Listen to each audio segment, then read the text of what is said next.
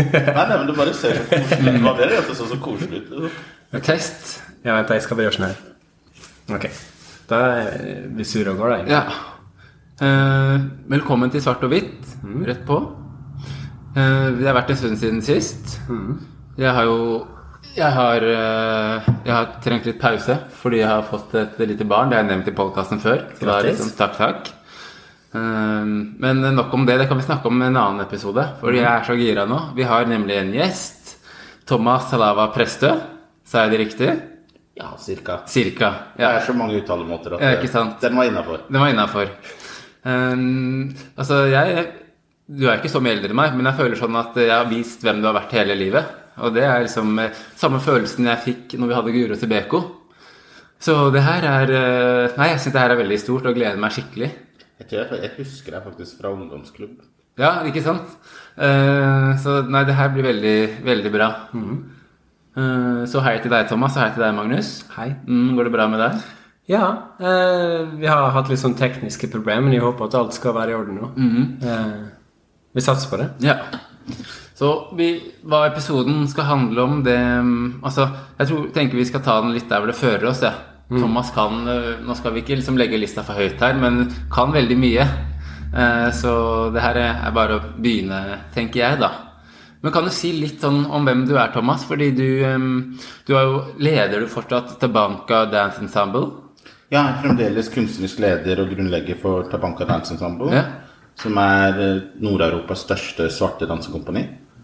Eh, men så gjør vi også ganske mye annet. Vi lever på en måte i arven etter African Youth. Um, Ja. Og kom ut fra African Youth in Norway.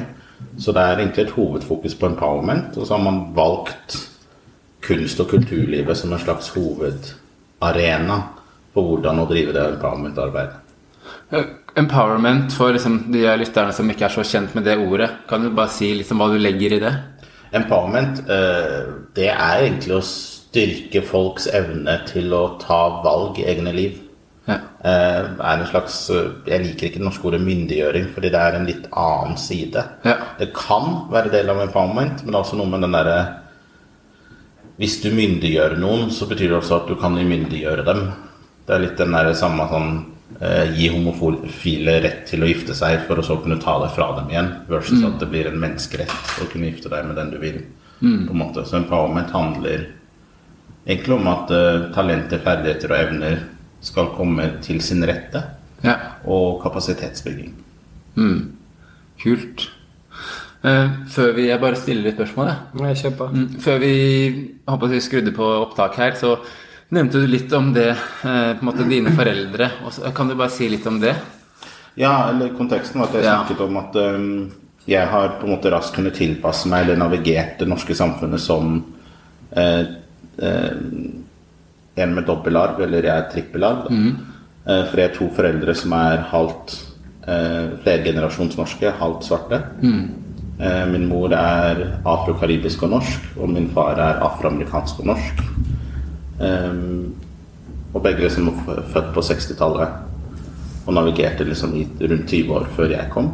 Um, og fordi jeg har jobbet med disse spørsmålene så lenge, så ser man jo også at hvordan det kan ha en verdi, fordi du får en del mestringsstrategier allerede overført. Og du har to foreldre som har vært gjennom det samme som deg før deg, på en måte. Så du blir også møtt med en litt annen forståelse for hvordan det er å navigere det norske samfunnet som melaninrik. Kan du si noe om de strategiene, eller noen eksempler? hvis... Oi, altså det er mange, men det er liksom sånn eh, jeg forsto allerede ganske mye om maktrelasjoner. Eh, min far er bio... Nei, det heter ikke det. Min mor er biolog. Min far er eh, siviløkonom. eh, og drev et større firma som solgte de største løsningene til Xerox. Så har han liksom et germansklingende etternavn osv., så, videre, så han ble ofte headhunted yeah. og tilbudt liksom millionpakke for å gå over. For å så møte opp, og så ser, ser de at han er melaninrik, og så begynner de å backpadle. Mm. og backe ut. For da har de bare sett resultatene og hørt liksom rykte om denne superselgeren, og så eh, snur de. Så den derre 'på telefonen er jeg hvit'-elementet. em, onklene mine og han lærte meg å fjerne bass. Så stemmen min er jo egentlig her. Her et eller annet sted. Der. Der er vel egentlig den naturlige stemmen. Så legger jeg den opp her, og så gjør jeg den litt mer feminin osv., for da blir du ikke møtt med samme sånn motstand Det er interessant. på, på møter og andre ting. Glemmer jeg meg, og bassen kommer inn, så skvetter folk til. Eh, måten jeg sitter på nå, min egentlige holdning er her. Ja. Da blir også folk stressa for du sitter så rett og så breiskuldra. Så den er å lære seg å krympe litt. Og det handler om den norske liksom, konsensuskulturen og janteloven og liksom forskjellig hvor du ikke skal gjøre mye ut av deg, som blander seg med fordommer mot svarte, hvor eh, en svart bass, en breiskuldret 100 kilo svart mann En trussel, liksom. Det er trussel. Eh, så, men de tingene blander seg på en litt uheldig måte, som gjør at du det ikke engang egentlig fungerer i Norge med meritokrati. Altså drar du til Amerika og en del andre steder, så, så kommer du inn i et meritokrati som gjør at liksom, hvis du faller i den derre talented tenth, som man sier, eh, og er flink, så kan du på en måte komme deg ut av en del ting og belønnes for å være flink. På grunn av janteloven og den konsensusgreia at du ikke skal stikke deg ut, så blir du ikke egentlig helt belønna for å gjøre ting riktig eller være flink heller i Norge. Hvis du er for svart?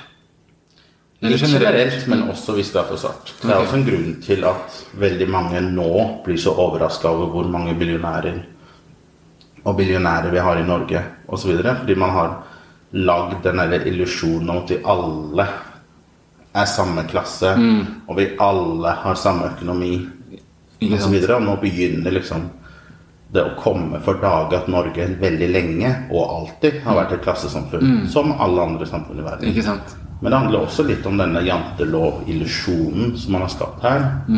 Hvor også de som da er såpass suksessfulle, skjuler det en slags Fordi det er Man ser det i media. Det skaper en slags misnøye. Du skal liksom ikke ha så mye mer enn andre. Du skal ikke brife med det. Ja. Du skal ikke Den der nøkternheten, liksom? ja. Men det gjør også noen ganger at det er vanskelig å komme opp dit. For hvis du, bygger, hvis du er på vei opp Altså sosial mobilitet handler jo også om en slags branding. Ja. Skal folk investere i deg og ha tro på det du bygger opp, så må du også kunne brife. Du Ja. må også kunne skape en slags eh, drive og medvind og entusiasme rundt det du gjør. Ja, Du må kunne vise til resultater. Det er vanskelig å skulle vise til resultater hvis du ikke skal stikke deg ut. Det er jo et godt poeng. Så du havner i en sånn litt sånn Det er vanskelig, og det tror jeg mange minoriteter spesielt, som er avhengig av å kunne bygge seg opp. Mm. må ha en sosial mobilitet fra foreldregenerasjonen til neste generasjon og sånn. Ja. Sliter nok ekstra i Norge pga. det.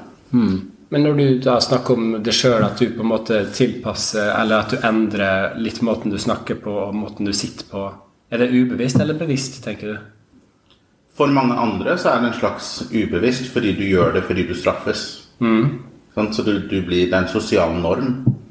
Så veldig mange, veldig mange når vi har workshops med unge svarte menn og sånn, så er det veldig mange som oppdager hvor mye sånt de gjør. Ja. Man For å man står eller for å passe inn, liksom? Ja, men det er også, det er også undertrykkende. Du står, du står eh, synlig i butikkene. Du tar ikke hendene i lommene. Du viser at du ikke stjeler. Ja. Du gjør veldig mange sånne ting for å motbevise stereotypier. Ja. Så empowerment handler også noen ganger om å være klar over at du gjør disse tingene, Ja. og så at det blir et valg.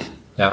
Så jeg har jo etter hvert kommet meg mer eller mindre dit hvor jeg er klar over hvilken overlevelsesstrategier jeg gjør når jeg ikke er villig å gå på, kompromiss, Ja. for eksempel. Når jeg må gjøre det, og hvordan jeg kan gjøre andre ting. Mm. Jeg vet at eh, mitt naturlige hår er litt sånn myke brasilianske krøller. ja. Det er kjempeavvæpnende. Så noen ganger jeg har det, så er det gamle damer som kommer bort på trikkestoppen og vil ta på håret mitt og referere til englehår. Det tok meg 100 år å skjønne at det var der juletrepynt ja, ikke sant? Mm. greia som Ja, ja. har samme type korsetrekkere, og det var referansen for dem. Så Ja. da blir jeg liksom angelical. Men hvis jeg har cornrows som mm. fletter inntil hodet, så holder samme dame på veska Ikke sant? Ja. og er redd. Ja. Men det betyr jo jeg, det betyr ikke at jeg ikke kan gå med cornrows. Men det betyr f.eks. at når jeg går med cornrows, så smiler jeg kanskje mer. Jeg kler meg kanskje penere på andre måter. Jeg kompenserer med andre ting. Sånn at jeg likevel har denne perception mobility, for å si det sånn. For jeg er jo en bransje hvor inntrykk er en veldig stor del av det du gjør. Og det, så dette er jo ikke Alle gjør dette på ulike nivåer. Altså i jobb, altså profesjonalitet, uniformering. Eh, dette er ikke noe helt unikt, men det treffer minoriteter på en annen måte. Og veldig ofte så er det du må undertrykke som en minoritet, er det som gjør deg Eller det som er nær din identitet. Ja. Eh, Derfor er det så mange afrikanere som bruker sterke, skadelige kjemikalier for å rette ut håret. Fordi mange generasjoners rasisme og undertrykkelse har gjort at man får en sterkere reaksjon på naturlig svart og afrikansk hår enn du får på plastikk eller parykk. ja. Det er interessant Ja, det er i seg selv. Det og at sånn- i de aller fleste land i verden så regnes det som uprofesjonelt å gå med naturlig afrikansk hår. Sant. Jeg har jo nevnt kjæresten min som har foreldre fra Eritrea, at hun og venninner har liksom diskutert og nesten ledd hvis noen har spurt sånn Kan vi ikke bare gå med afrofri på intervju? liksom, ja, Det er totalt uaktuelt for deg da. Og det høres jo egentlig ut som det er i samme bane som det du beskriver nå, da. Ja. En del poenger så, kaller, så faller det ofte i det man kaller respectability politics. Ja. Men kan jeg, kan jeg spørre hvorfor eh, Da mener du at du har gjort et bevisst valg sant? på de tingene du nevnte nå, med måten du snakker eller måten du sitter på. Du sa egentlig så vil jeg sitte sånn, eller egentlig så stemmer hun der. Er det Altså, jeg har foreldre som har navigert dette på forhånd. Aha. Så jeg har vokst opp i et hjem hvor man på en måte har fått beskjed om at nå driver stemmen din og forandrer seg. Ja. Du kommer til å merke at du vil få en del reaksjoner på bassen. Ja. osv. Eh, dette her er måter du kan unngå de reaksjonene på hvis du er i en situasjon hvor det vil være ubehagelig. Ja. Dette er måten å navigere det på. Så det betyr ikke at jeg ble aldri sagt 'ikke bruk bass', Nei. men jeg har jo også en mobil stemme. Ja. Og jeg er også oppvokst i en familie med veldig mange kvinner. Ja. Og veldig ofte når jeg snakker med mamma eller med mormor, så vil jeg uansett legge stemmeleiet mitt opp. Og når jeg snakker med onklene mine, så vil den uansett gå ned. Ja. And if I switch to English, you hear instantly it fills the room. ja yeah. det er interessant. Fordi min naturlige stemme slår inn med en gang jeg bytter til engelsk. Ok. Uh, Men ok, sorry. Kjør. Uh, for, uh, hva er det heter? A promise it, promise it to whiteness? The, the... A proximity. A proximity to whiteness. Altså at det rett og slett den hvite befolkningen ikke opplever deg som så fremmed. da, At det også er på en måte et element her. Som Ja, vi kanskje har nevnt tidligere òg. Eksempel eh, at jeg har på en måte en del sånn fenotypiske trekk som jeg kanskje åpenbart har fra mamma. Jeg har ikke en veldig bred nese som kanskje noen av brødrene mine har. eller på en måte, ikke sant? Og at det gjør som er mindre skummel, og det gjør meg mer søt og så nydelig enn hvis du på en måte hadde vært enda mørkere i huden, enda større, hadde hatt tydeligere afrikanske trekk. da. At vi, Som vi også kanskje har nevnt tidligere. Også fordi vestlig kultur verdsetter ikke annerledeshet. Verdsetter ikke mangfold. Altså, selv om man snakker om det hele tiden nå, så går verdi går på likhet. De er som oss, derfor har de verdi. Sant? Og det merker man jo også nå i flyktningdiskusjonen. Sant? De Ja. gode ukrainske flyktningene, fordi kulturen deres er jo nærmere våres. Så kan man diskutere veldig mye hvorvidt det er det og ikke det. og alt med sånn. Det er bare Da ser man inn at verdi argumenteres på likhet. Eh, Og det samme i dyreriket. De dyrene som vi syns har mest menneskelig oppførsel, er liksom mer intelligente. Eh, Mens ingenting sier egentlig at mennesker er så veldig intelligent. Altså fra naturens side så ødelegger vi jo vårt naturlige habitat og gjør det umulig å leve. Altså det er jo en slags biologisk selvmord. Så sånn sett er ikke mennesker spesielt intelligente. Vi tilpasser oss ikke våre omgivelser. Vi tvinger omgivelsene til å tilpasse seg oss. Og så er vi stolte av det. Men det er jo også en grunn til at det er så mange alarmklokker som går fordi det ikke er bærekraftig. Så det er en grunn til at det aller meste i dyre- og planteriket tilpasser seg sine omgivelser, for det er slik du overlever lengst. Ikke men vi er mer opptatt av at vi er så flinke og så intelligente, for vi har klart å gjøre oss kjempekomfortable nå. Så komfortable at vi dør av det. Handler det også om altså, at mennesker Vi ser på oss som altså, Vi ser på mennesker som i sentrum av liksom, naturen og biologien. I hvert fall virker det som at mange gjør det. da, og ikke sant, Hvordan man har bygd opp verden. Kan det være også på en måte som at vestlig verden har satt seg selv i sentrum for f.eks. intelligens- og skjønnhetsidealet? Hvilke kunnskap som verdsettes, hva slags skjønnhet som verdsettes? Og derfor igjen, som vi sier om at ja, eh, en typisk kanskje hvit person med hvite fenotypiske trekk går offer for å være mer pen og vakker da, ikke sant? enn f.eks. En, en dame med kraftig afrikanske trekk, en ordentlig mørk hud. At Samme typen at vi skaper disse sannhetene. Ja, ja for å kunne ha verdi. Sånn fordi du har dette, og man har jo også sånn Det var jo, og fins fremdeles, en slags tankegang om om du er rik eller om du er pen, så er du god. Det er en sterk del av det Ja. vestlige liksom, tankegodset. At uh, skjønnhet og godhet og den type ting er likestilt. Eh, og selvfølgelig da er det jo viktig at man definerer seg selv som både vakker og god. Mm. og spesielt så var det jo ekstra viktig å definere seg selv som vakker og god idet man gjorde noen av de mest ufyselige handlingene som historiebøkene kan beskrive. F.eks. både kolonialisering og slaveri var jo eh, Altså Det er nesten vanskelig å sette seg inn i hvor groteske handlinger dette egentlig var, og hvor lenge man holdt på med det. Samtidig som man bygde opp et sterkere og sterkere image av det vestlige som det gode og det snille osv.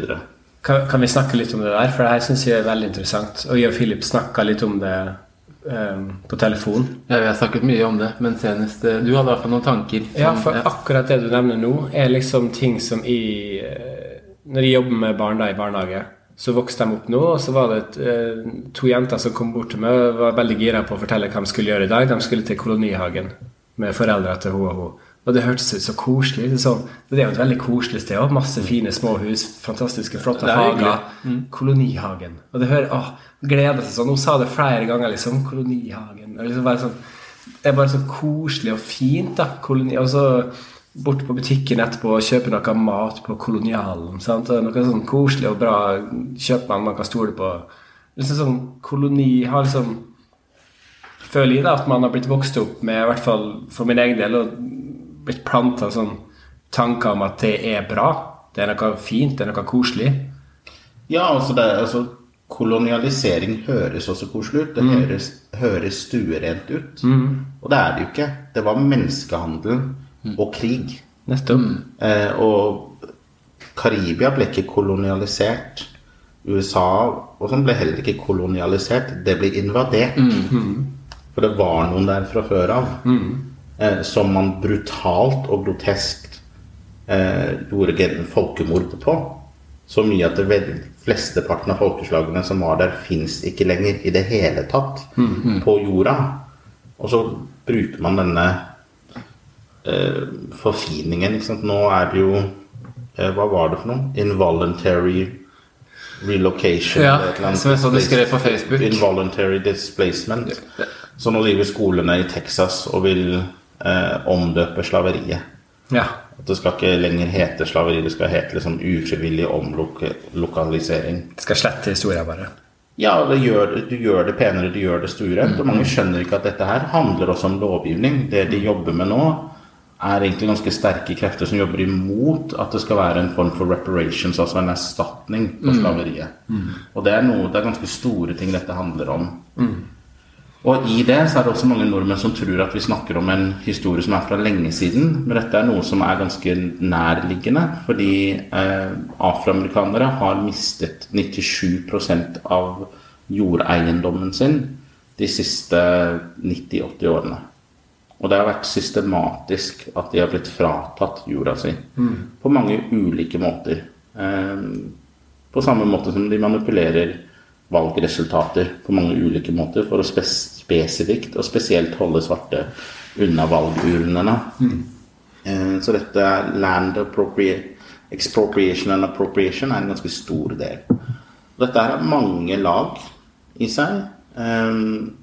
Det er derfor også jeg både Mare og meg blir veldig irritert over hele woke-diskusjonen her. For det er alt-right, altså en ganske høyreekstrem amerikansk bevegelse sitt bruk av et ord som har en helt annen kontekst. Som man på en måte gjør helt korser og bruker i Norge som om det har en betydning sånn som de bruker det. Og dette har jeg diskutert opp og ned og lenge med ganske mange folk som burde gjort litt mer research. Eh, ordet betyr å være årvåken, og det henger bl.a. sammen med The Great Migration, hvor over seks millioner eh, afroamerikanere dro fra sør til nord.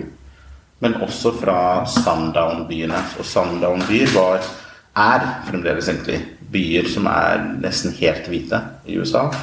Og de er det fordi de svarte som bodde der, ble systematisk lynsjet, drept, utøvd vold mot for å spesifikt ta jorden deres. Eh, og det var jo, flere av dem fikk jo mange, mange acres med jord. Og noe som snakkes litt for lite om, er hva som skjedde etter slaveriets opphør. Og det er jo også at eh, de hvite jobbet jo ikke jorda og plantasjene. Så den kompetansen hadde de ikke. Den, had, den var på de slavebundnes side. Eh, The Washington Monument, The White House osv. Byggekunst, altså byggverk, håndverk, var hovedsakelig kompetanse på den afroamerikanske siden. Så når da afroamerikanere kjøpte seg jord, kjøpte seg land osv., hvor var de beste avlingene? Hvor var de beste strukturene og husene? Så det begynte å skape en skeivhet, og den svarte befolkningen tok igjen og gikk forbi den hvite befolkningen kjemperaskt. Og det ble en enorm motreaksjon som førte til systematisk lynsjing og drap for å hindre denne sosiale mobiliteten. Og opprettholde ulikheten i samfunnet. Jeg, hørte, jeg tror en podkast som heter 1619 eller noe, der de snakka om mye av det samme. Og hvor vanskelig eller umulig i mange tilfeller det var for eh, svarte i Amerika som ville ta opp lån for å drive en gård, f.eks. Fikk aldri lån. Fikk aldri Eller fikk lån for å så få falsket skrudd opp rente. rente. Og tvang dem til å måtte innfri hele lånet som de ikke kunne. Ja. Sånn at de kunne selge hele plantasjen deres for en brøkdel av prisen til Ja. en hvit familie. var motarbeida hele tida.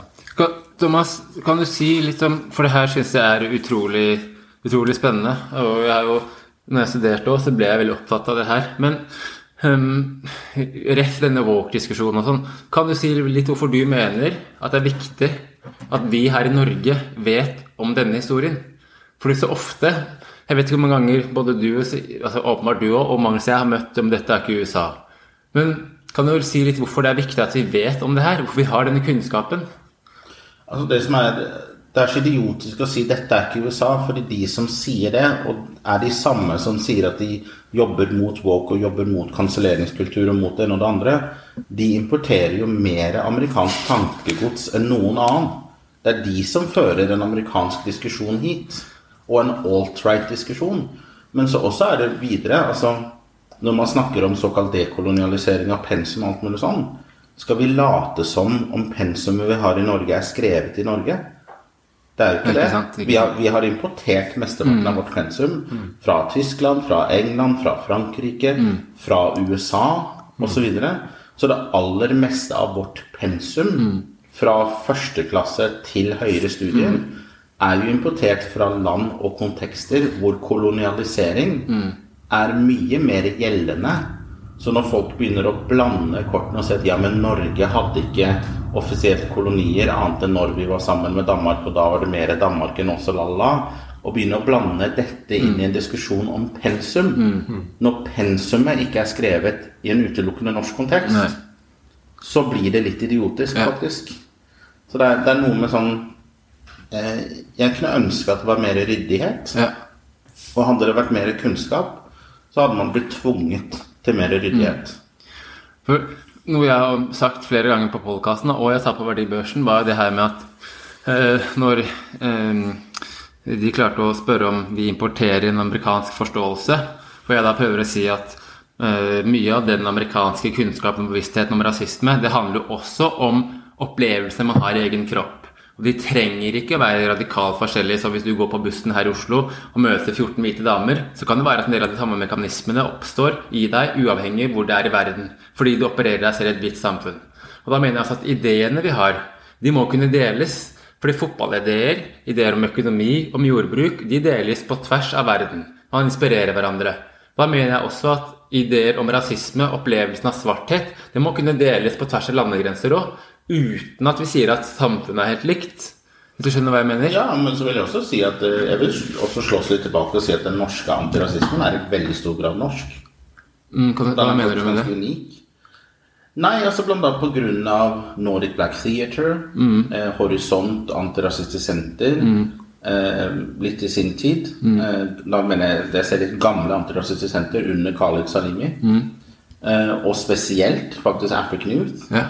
African News gjorde noe ganske unikt for Norge, og det har handlet om en slags panafrikanisme. Så folk Ja.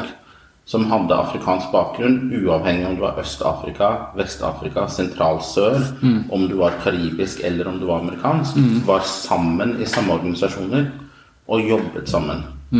Og når man reiser ut og ser på hvordan antirasisme er organisert i veldig mange andre land, da er det faktisk mye mer samhold i Norge. Og det var pga.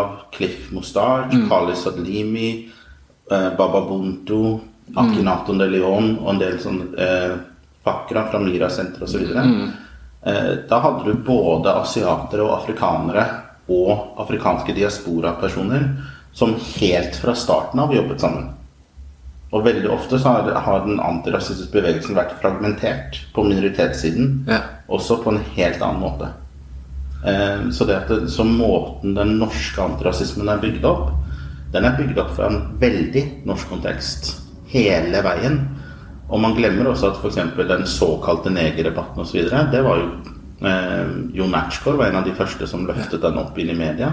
Ja. Halvt ugandisk, halvt norsk. Asta Besinde Lidersen har vært gjeldende der. Halvt ugandisk, halvt norsk. Hanna Losenekvam, adoptert fra Etiopia. Eh, Akhenaton de Leon, halvt Trinidad, halvt norsk. Mesteparten av de som har vært eh, toneangivende i Ja. den norske eksempel negerdebatten, Ja. er født og oppvokst i, norsk, i Norge med minst en norsk foreldre. Så- Så dette er ikke personer som har kommet fra utlandet og har importert noe. Dette er norskafrikanere som er vokst opp i Norge, i norske hjem, som tar opp dette ordet og sine opplevelser basert på sin norske opplevelse. Punktum. Så- ikke import. Det er fint, for da, altså, det er viktig at vi blir korrigert her òg. For da er det jo Da mener jeg altså, Hadde jeg visst Hadde jeg hatt det, de tankene eksplisitt i hodet, kunne jeg møtt på verdibørsen med enda bedre motsvar, da, egentlig. Og, innse innser jo nå at Fordi vi, vi har vært veldig opptatt av å kunne referere til andre melaninrike i Norge, ikke sant? Men, og nå, det har vi jo gjort, men nå får vi jo enda mer ballast, da. Og ikke minst sånn du sier at uh, nei, det er feil. Altså, grunnleggende antirasisme i Norge, den er på en måte norsk melaninrik. Den er ikke amerikansk. Å kunne slå i bordet med det, da. Istedenfor å også argument, kanskje argumentere med det først og fremst. Og så argumentere for hvorfor en del andre begreper kan være relevante. Men ja, det var veldig det er bra så, at vi får inn folk med så mye kunnskap til å bli korrigert. Og derfor har liksom faktisk diskusjonen, debatten, metodene og sånt som har vært her, er ganske annerledes. Jeg har jobbet med dette her internasjonalt. Det er, du, du kunne ikke bare importert eh, amerikansk black empowerment eller antirasisme Ja. til Norge. Nei. Eh, det hadde ikke fungert, rett og slett. Det er, det er Norge har en for kompleks eh, sammensetning. Så har den også vært under forandring. Og det var veldig interessant liksom, hva som har skjedd de siste årene. Hvor det, jeg vil si at det har skjedd nå vil jeg kalle det en rekonsolidering. For det ble en splitt en stund mellom diaspora og Vest-Afrika og Øst-Afrika i stor grad. Da handler det om at det kom veldig mange fra Øst-Afrika en periode som har en annen historie og en annen kontekst. Eh, ikke fra engelsk engelsktalende kolonier hovedsakelig. Arabisk slavehandel versus europeisk slavehandel osv. Og, så og det førte en stund til at det var mindre kongruens, på en måte, eh, i de afrikanske miljøene. Men så er det den norske opplevelsen av rasisme og motstand og sånn blant annet her, som gjør at nå er folk samla igjen og diskuterer de samme tingene osv. Men la oss si at det var en åtte til tiårsperiode hvor man en slags, ble en slags splitt. Samtidig også som en del av de sterkeste organisasjonene døde. Og det var jo ikke tilfeldig, det ble også gjort. Altså det var Når en del eh, store innvandrerorganisasjoner begynte å bli for store, så gjorde man jo en omorganisering på feltet og sa at man måtte organisere seg etter landebakgrunn, f.eks. Så, det var ikke, så grunnen til at African Youth ble redda på det, var fordi Elisabeth Appa Beveny, som ledet flyktning- og innvandreretaten og var bydelsleder i bydel Grünerløkka, klarte å få definert et ungdomsfelt. Så fordi man da Norsk-Tyrkisk Ungdomsforening og African Youth osv. fikk heldigvis fremdeles støtte fordi man ble sett på som ungdomsorganisasjon, og ungdomsorganisasjoner ble holdt utenfor kravet om organisering om land, etter landebakgrunn. Så kan jeg bare, bare som det er Det eh, var en splitt og hersk. Ja. Jeg innser at vi Det er jo masse melaninrik, antirasistisk diasporakunnskap i Norge òg, men som eh, jeg opplever eh, ikke kommer til orde Eller det kommer ikke til syne i det, altså, i det typiske ordskiftet.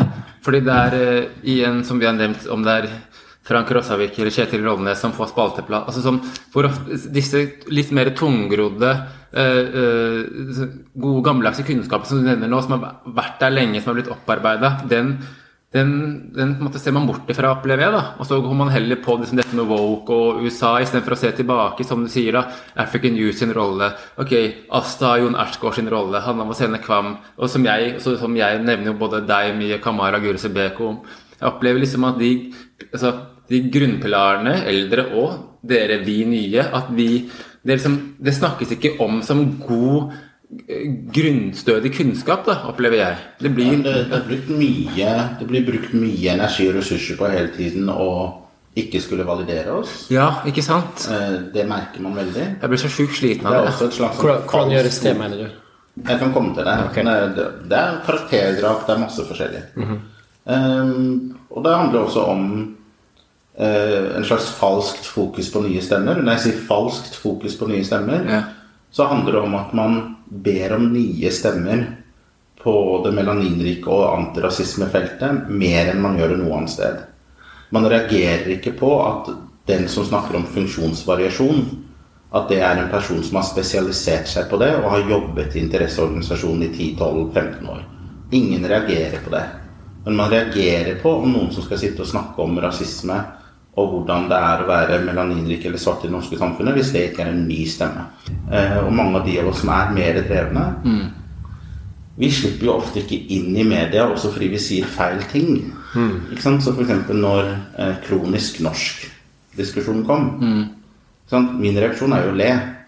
For jeg skjønner at den personen som sa kronisk norsk, sikkert egentlig ville si kronologisk norsk eller et eller annet, fordi kronisk norsk makes no sense. Nei. Men jeg syns det er en slags morsom, ironisk gudegave at jeg får lov til å være mindre kronisk norsk, og noen andre som er litt mer innbitte og forsteina i holdningene sine, kan få lov til å være kroniske. Ikke sant? Det er, det er med, men da ringte media rundt og ville ha noen melaninrik som var krenket, som var såret. Ikke sant? Så de fisker etter dette. Eh, men for da, nok veldig sånn på ett minutt forfalska historie. ikke sant? Eh, hvis du slår opp liksom, hva som har blitt diskutert i media om, av antirasisme i Norge, så kommer f.eks. Pippi Langstrømpe opp med en gang. Og at faren til Pippi Langstrømpe ikke er negerkonge lenger, men sydhavskonge. Og så er det mange som driver diskuterer om eh, sensur og bla, bla, bla, og barndomsminner, og man skal ikke liksom revidere historien og alt med sånn. Det er Astrid Lindgren selv som ønsket dette. Og hun innførte det selv i Sverige, og vi følger etter.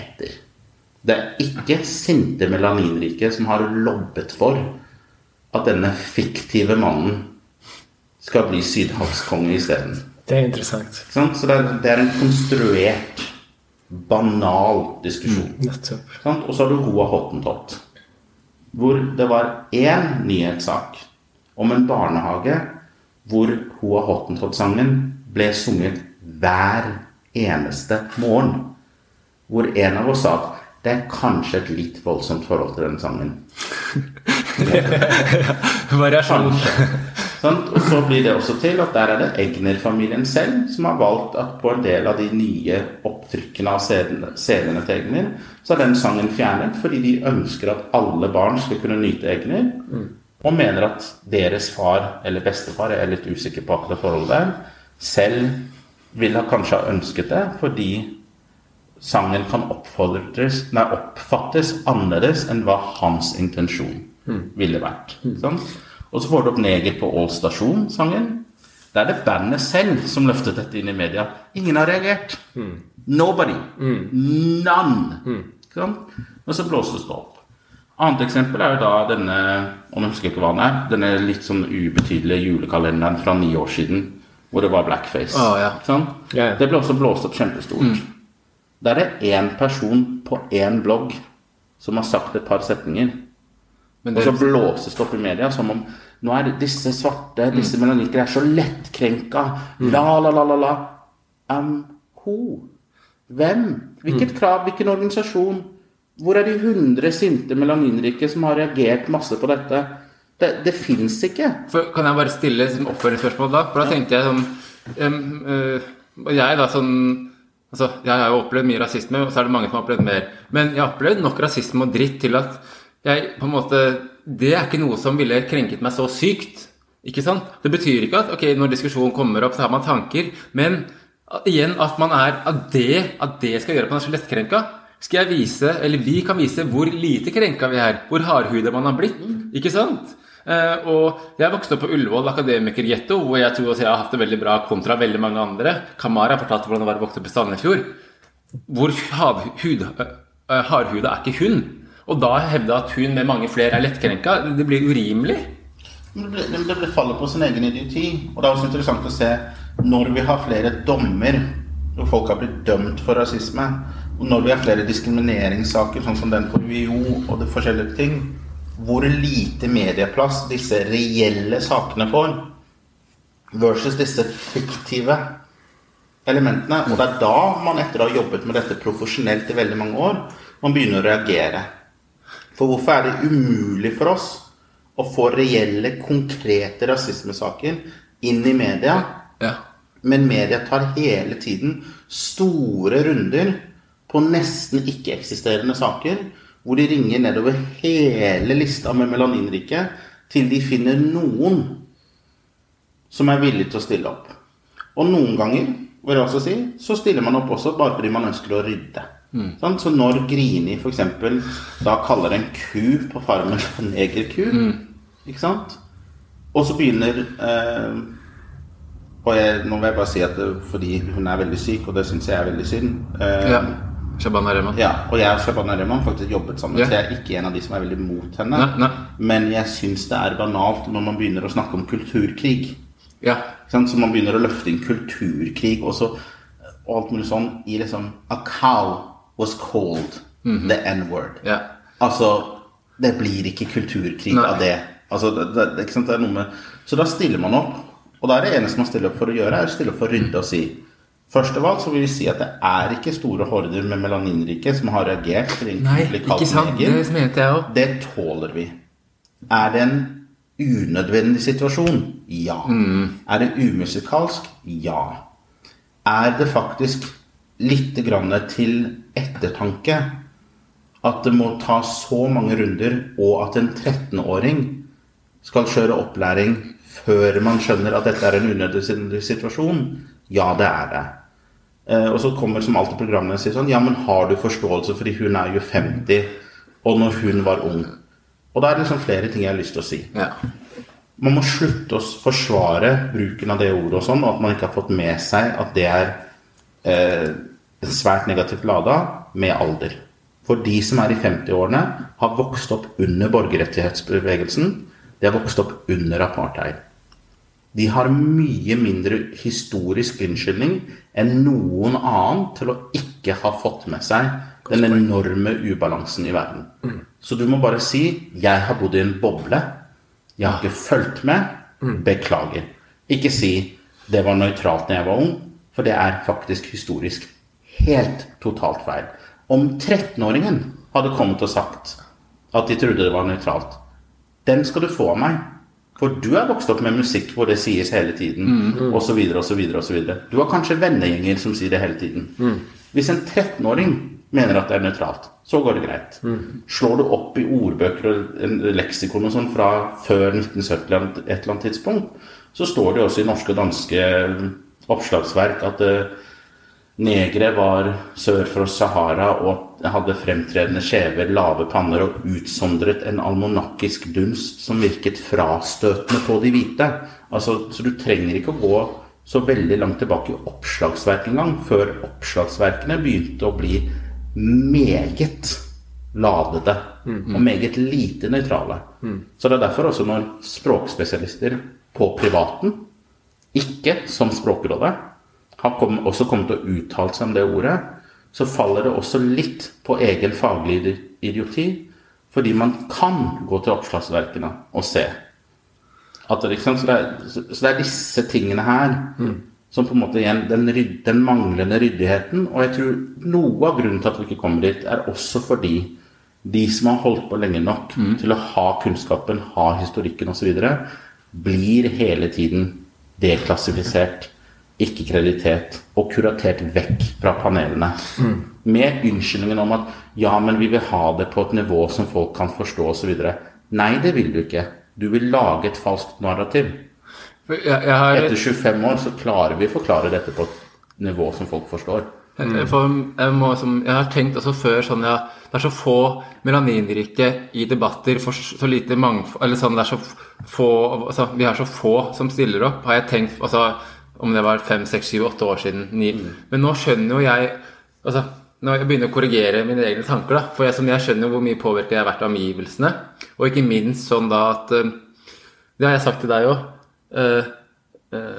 hadde Guro Sibeke og Thomas Prestø sittet i styret til Discovery, så hadde mange av programmene sett helt annerledes ut. Altså sånn, men, og da, Det her høres banalt ut, men kan det være at um, Uten å tenke å snakke om deg selv, det kan bli litt kleint, men er det en del melaninrike som har vært med i diskusjonen lenge, åpenbart hvem jeg refererer til, som kan så, såpass mye, har såpass stort nettverk at uh, hvis de først stiller opp i diskusjonen, så er det umulig å ikke, måte, ikke hensynta det du sier. Så er det lettere, som du sier, å invitere en 14-åring som ikke kan så mye. Så kan sant, diskusjonen uh, være på et helt annet nivå. Man er mye mindre uh, Man er mer redd for å si feil. ikke sant? Jeg, så sånn, jeg, jeg opplever at en del av dere som har vært med lenger, at dere er dere har et, for det første et mye større ordforråd på feltet, og tør å være eh, mer ærlig, på en måte.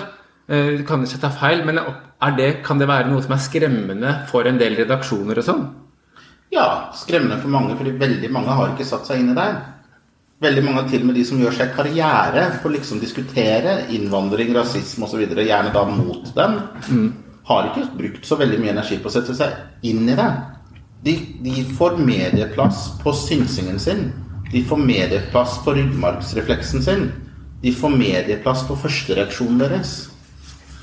og, det er veldig interessant at noen ganger så faller altså, Ok, jeg kan komme med et eksempel. NRK i beste sendetid så skulle det være en negerdiskusjon. Da var bl.a. jeg og Asta Besindu Lydersen der.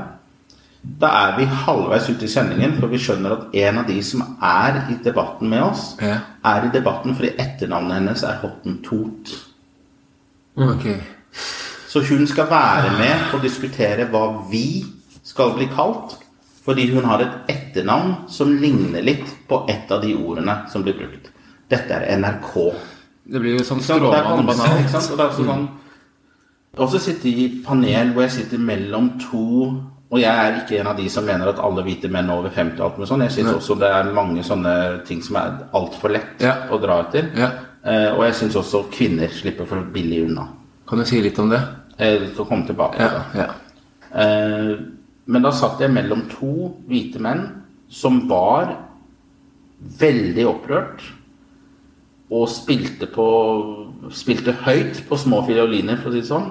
Igjen fordi faren til Pippi Langstrømpe ikke var negerkonge. Og det er, det er spesielt, faktisk, å sitte i et panel hvor jeg har jobbet med svarte gutter som opplever å få politibatong kjørt ned i strupen. Og jeg i mange år fikk beskjed om at dette skjer ikke i Norge. De lyver. Og så blir det filmet. Og så blir filmen kjent.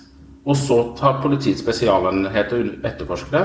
Og så kommer det fram i saken at politimennene i sitt forsvar sier at de husker ikke den konkrete saken fordi det skjer så ofte.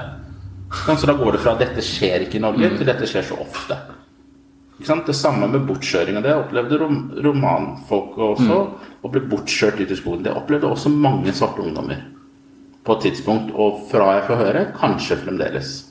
Politibatongpraksisen virker det som etter det ble offentliggjort og det kom en direkte ordre, ordre fra oven om det skulle slutte, at det i all hovedsak har opphørt. Så det er den type ting vi jobbet med. Da oppleves det som veldig banalt å sitte mellom to hvite menn som får plass fordi de er lei seg over en fiktiv karakters forandre At det hva er det arbeidsinstruksjonen hans har byttet mm. tittel. Altså it, it's I don't have the words. Det virker bare og det er, og det er også det er fornedrigende. Ja. Det er fornedrigende som en som har jobbet med rettigheter mm. i over 20 år, mm. og blir tvunget til å gjentatte ganger fremdeles i 2022 skulle ha den diskusjonen som om den er reell. Har du, tank, har du talt på hvor mange ganger du har vært nødt til å dumme deg ned? From I wake up till I go to bed. Ja. Jeg, eh, jeg hørte det i mm, Vannhullet, så snakket jo litt om det. Uh, det er noe jeg har tatt, det er altså brukt etter at jeg hørte det. Uh, men uh, kan du bare si litt om For du mente, nevnte noe om dette med kvinner også i vannhullet. Og det er vel noe også Kamara har sagt i det stykket sitt 'De må føde oss eller pule oss for å elske oss'. Kan du si litt om det? Kvinners rolle? Altså, Melaninrik kamp og melaninrike kropper blir ofte appropriert til inntekt for eh, privilegerte hvite kvinner. Ja, du, hva, jeg, hva, mener du med det? Nå vil jeg komme med en disclaimer. Jeg går ikke til angrep på feminisme. Nei, nei. Bare sånn at det er veldig ja. tydelig. Mm. Fordi noen av de tingene jeg sier, kan nok bli brukt av eh, feil patriarkalske strukturer. Ja. Eh, men det er også en grunn til at svart feminisme og womaism ja og uh, latinx-feminisme, eller chicana-feminisme mm. osv. ble nødvendig. Ja. Desi-feminisme også, for den saks skyld. Bare for å prøve å ikke holde Ja, noen utafor. Ja, men det er flere glemt, for det er, ja. arabisk feminisme, altså, det er ja. mange bølger. Men det er en grunn til at ikke bare liksom, feminismeparolen eh, tok og fanget opp alle. For noe av argumentene til den feministiske bevegelsen var jo at hvite kvinner måtte få stemmerett før svarte menn. Det var en av de største kampsakene. Var det det? Ja. Så det er noe grunnen til at black feminism oppsto, fordi white feminism did not include black women at all i starten, mm. osv. Og, og handlet Og de svarte mennene ble brukt som argument overfor hvite menn til hvorfor kvinnene deres deres ja, hater den språkbruken. Hvorfor hvite kvinner? Unnskyld for kvinnene deres, fordi de eies ikke av mennene. Ja. Um, ja, så det er, det er noe med disse tingene og at da mange frikjøper som hvite kvinner i diskusjonen frikjøper seg selv og sier at problemet er bare hvite menn over 50. Men problemet er ikke bare hvite menn over 50, for hvem er de som blir redd? Hvem er de som hele tiden kjører på frykt? Mm. Sånn, I USA så hvem er det som ringer politiet på uskyldige svarte mennesker, som fører til de svarte menneskenes død? Mm hovedårsaken til at du ble lynsjet som en svart mann, var fordi du liksom hadde sett på en hvit kvinne. Mm. Så nå, nå, nevner jeg ekstreme forhold. Ja. Men også hvem er de sjefene som ikke vil ansette? Hvem er de mhm. huseierne som ikke vil leie ut til? Det skjer i Norge også. Ja, og det er også den der myten om at rasisme er en lavere klasseproblem. Og at den gode middelklassen ikke er rasist. For igjen, hvem er sjefene som ikke ansetter? Mm -hmm. Hvem er huseierne som ikke leier ut til? Osv. Det er den gode middelklassen opp. Mm. De verste rasistene har alltid vært middelklasse opp, ikke underklasse. Mm. Så det er også en slags sånn forskyvning, en slags se over her. Eller se her borte. Nå tenkte jeg visst på engelsk. Mm. På en måte for å eh, hindre de reelle tiltakene som må til mm. for å skape en forandring. forandring. Og Derfor sier jeg at det, eh, den frikjøpingen av hvite kvinner som delaktige i undertrykkelse, og at vår felles fiende er den hvite mannen. Så hvis vi bare alle samler oss mot den hvite mannen over 50, så får vi has for rasisme og alt mulig av de tingene. Det stemmer ikke. Det er interessant. Kan jeg bare spørre, Du nevner der de reelle tiltakene som må til. Kan du utdype det litt? Hvilke tiltak du snakker om da som må til for å faktisk få til en forandring?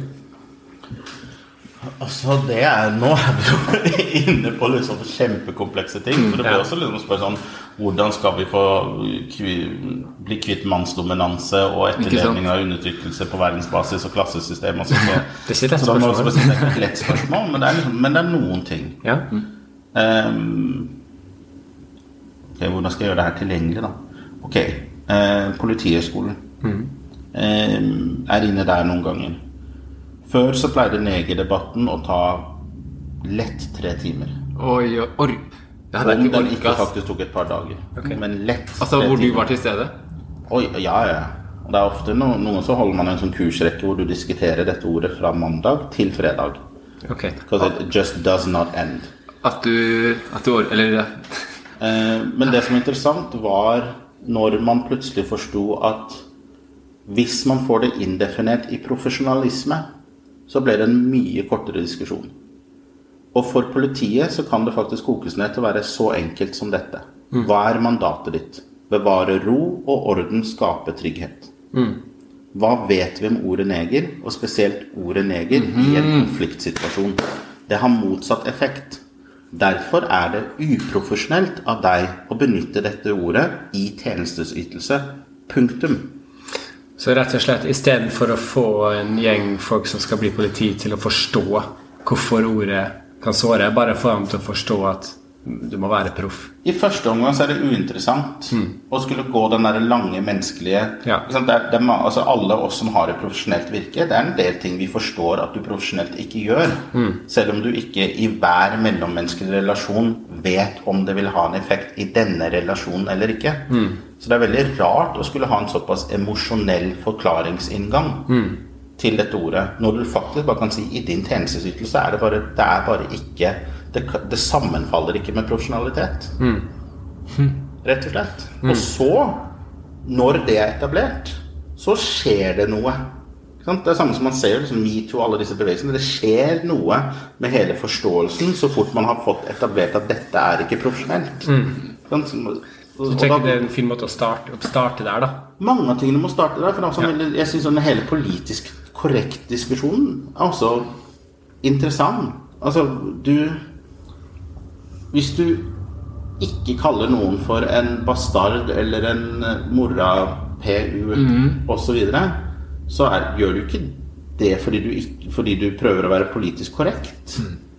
Og ikke skulle kalle noen neger på jobb, f.eks. Hvorfor handler det om å være PK? Altså Det er en veldig sånn rar et, Igjen et veldig rart sted å plassere det. Med mindre du har lyst til å være dust, med mindre du har lyst til å såre, hvorfor skal du da insistere på å bruke et ord som du vet at med meget høy sannsynlighet? Det er noe med sånn eh, Noen ganger så Altså Nordmenn, og det liker vi ikke å si, men nordmenn er kjent for å være sosialt klønete. Ja, Vi, vi er til en viss grad det. Men noen ganger så blir jeg liksom fascinert over hvor sosialt klønete vi skal insistere på å være. For det er noe med den derre påstanden en annen. Det er helt naturlig å spørre om hvor folk er fra helt i starten av samtalen. Nei, det er det ikke. Nummer én. Det er faktisk ikke det. Og når du spør om hvilken dialekt folk har, og sier ja, men noen som ikke hører bergensdialekt, så spør ja, men det er annerledes, for da har du allikevel definert et vi Ja. som nordmenn. Yes. Og så prøver du å etablere en slags relasjon på den måten. Det er, an, det er no, litt annerledes. Det mener, og noen ganger sier jeg at en fireåring vet dette. Det er jo ikke noe mer slitsomt enn to fireåringer som har møtt hverandre og som har bestemt seg for å bli bestevenner, for de er jo enige om alt. Ja, det syns jeg òg. Jeg syns også det. Jeg liker også det. Fordi du etablerer relasjon ofte ved å synliggjøre hva man er enig om. Ikke ved å kartlegge hvor annerledes man er. Så det er faktisk igjen som jeg sier, sosialt klønete. I, og da kan jeg også si det når jeg er inne og kurser. I alle yrker hvor det handler om å bygge en relasjon, så ville det vært relativt klønete å skulle komme med dette spørsmålet og si du er annerledes enn meg. Og hvorfor er du her, egentlig? Sånn, det skaper avstand. Sånn. Og så er det også den derre Hvor er du fra? Det vi må forstå igjen, og hvis man bare tenker kommunikasjonsteknisk, så er det ikke vanskelig å forstå hva som er problematisk med den. Det det veldig ofte gjør, er at det tvinger en maktrelasjon inn. Så hvis du spør meg hvor er du egentlig fra, ikke hvor er du fra, Angamar, men hvor er du egentlig fra, så har du nå etablert en maktrelasjon hvor jeg må søke din godkjennelse for min identitet. Sånn vil du starte forholdet vårt. For hvis jeg sier 'jeg er norsk', nei, hvor er du egentlig fra? Som betyr 'jeg sa til meg, deg hva min identitet var', du forbeholdt deg retten til å avvise mitt svar og min identitet, og tvinger meg til å enten forsvare eller å søke en annen identitet som du godkjenner. Så veldig ofte hvis jeg velger å bare ta den mest naive Thomassen og kjøre løpet, så sier jeg, jeg har en beste, kommer jeg som oftest til jeg har en bestefar far fra Trindal, hvor svaret før jeg får avsluttet setningen min, så blir jeg avbrutt og sier 'Å, du er fra Karibia'. Jeg er født på Ahus i Lørenskog. Jeg er ikke fra Karibia. Sånn? Men da ser man igjen hvor de også da kommer og de forteller meg hvor jeg er fra. Og det er det som er rasistisk med det. For noen liksom, hva er rasistisk med det? Det som er rasistisk med det, er denne maktrelasjonen hvor man stiller seg selv over den andre personen og forbeholder seg retten til å definere dem. Fordi du ser er ut som du gjør. Fordi du ser Fordi de ser ikke at du er født på Ahus. Nettopp. Er det riktig at din bestemor har tegna TC-kjerringa? Oldemor. Oldemor. Oldemoren min tegna T-skjorta. Så en eller annen, når jeg diskuterer nå med liksom hardbarka nasjonalister, så sier jeg sånn Du, jeg eier barndomsminnene Det må være utrolig provoserende for dem. vi, kan vi ikke diskutere hvor norsk jeg er eller ikke? Det er kjempeprovoserende. Åh, jeg skulle ønske jeg kunne se det. Men Og det er, det er derfor også jeg syns det er litt gøy, men det er, også, men det er også min måte å si på at jeg forhandler ikke min norskhet. Den, det ligger, min norskhet ligger faktisk ikke på bordet. Det, det, jeg syns det, det, er- jeg synes det er så ekstremt arrogant at noen tror de kan diskutere hvorvidt jeg er det eller ikke. Passet mitt lovlig befester meg her, og genetikken min til og med også befester meg her. Og min familie står i sentrum av den norske arbeiderbevegelsen. Altså, you don't get too much more Norwegian. Nei, det er sant. Og for ikke å nevne liksom både oldemoren min og Prøysen sin kamp for målform og bygde, bygdemål og bygdekultur og det ene og det andre. Så I'm not negotiating my Norwegianness. It's not up for discussion. It's not up for debate. Who are you? Men vil det si at Fordi jeg, jeg var så det, man, kan ha, man kan ha to tanker i hodet samtidig, åpenbart. Fordi det er så utrolig deilig å høre. Det samme følelsen fikk jeg når Ahmed Ashraf i Avisa Oslo skrev at han ikke trengte, følte seg norsk lenger og følte behov for å kalle seg norsk. Jeg får liksom samme sånn Hei, jeg kan, jeg kan tenke det. Altså, jeg får, jeg, jeg får den. Altså, altså, la oss si det sånn. Hvis jeg, jeg har også bodd i Barcelona. Og hvis norske fotballsupportere kommer nedover Ramblas med vikinghjelmer og norsk Og folk spør meg er ikke du fra Norge. Nei, Nei, nei, nei. Da sier jeg er ikke. Norge, er ikke det hovedstaden Sverige? Altså Jeg har bestemt meg for det som er så flott med å ha en dynamisk identitet og tilhørighet flere steder, er at jeg kan velge i hvilke setninger jeg er norsk. Det er veldig gøy å være norsk under vinter-OL. Ja. Altså, er, altså, men Du ikke se meg på ski, men jeg er kjempenorsk under vinter- vinter-OL. liksom. Så det er noe med den derre Ja, den forståelsen den forståelsen, You do not have the right to discuss this. Og det det er der rasismen ligger. For rasisme er deklassifiseringen av noen på baksiden av utseende og eller en oppfattelse om genetikk, herkomst, rase. Hvis du deklassifiserer meg til den grad at du føler at du kan definere meg mer enn jeg kan definere meg selv, på bakgrunn av at du er hvit og eller norsk, og jeg er brun That's classic racism. Så at noen lurer på hvorvidt dette er en rasistisk prosess eller ikke, det burde ikke vært en diskusjon. Ikke sant? Og det samme med Linne. Ikke? Linne og benken. Ja. jeg vet ikke om dere kan klippe, kan dere det? Botanisk hage. Jo, jo, kan Jo, klippe hvis dere kan klippe, da, da lar vi folk vite at man klipper de, for Ja. jeg skal bare google noe. Ja. Og der klipper vi også, faktisk. Vi gjør det altså beint fram. Vi avslutter første del av samtalen med Thomas der. Vi avslutter med en liten cliffhanger. Hvem er Eller hvem var Carl von Linne? Hva var greia med den benken i Botanisk hage som ble oppkalt etter han? Hva var alt dette om, og hva mente egentlig Carl von Linne, og hva sto han for? Det her og mye annet skal du få vite i del to, som kommer om ei uke. Om ei uke kommer den. På gjenhør.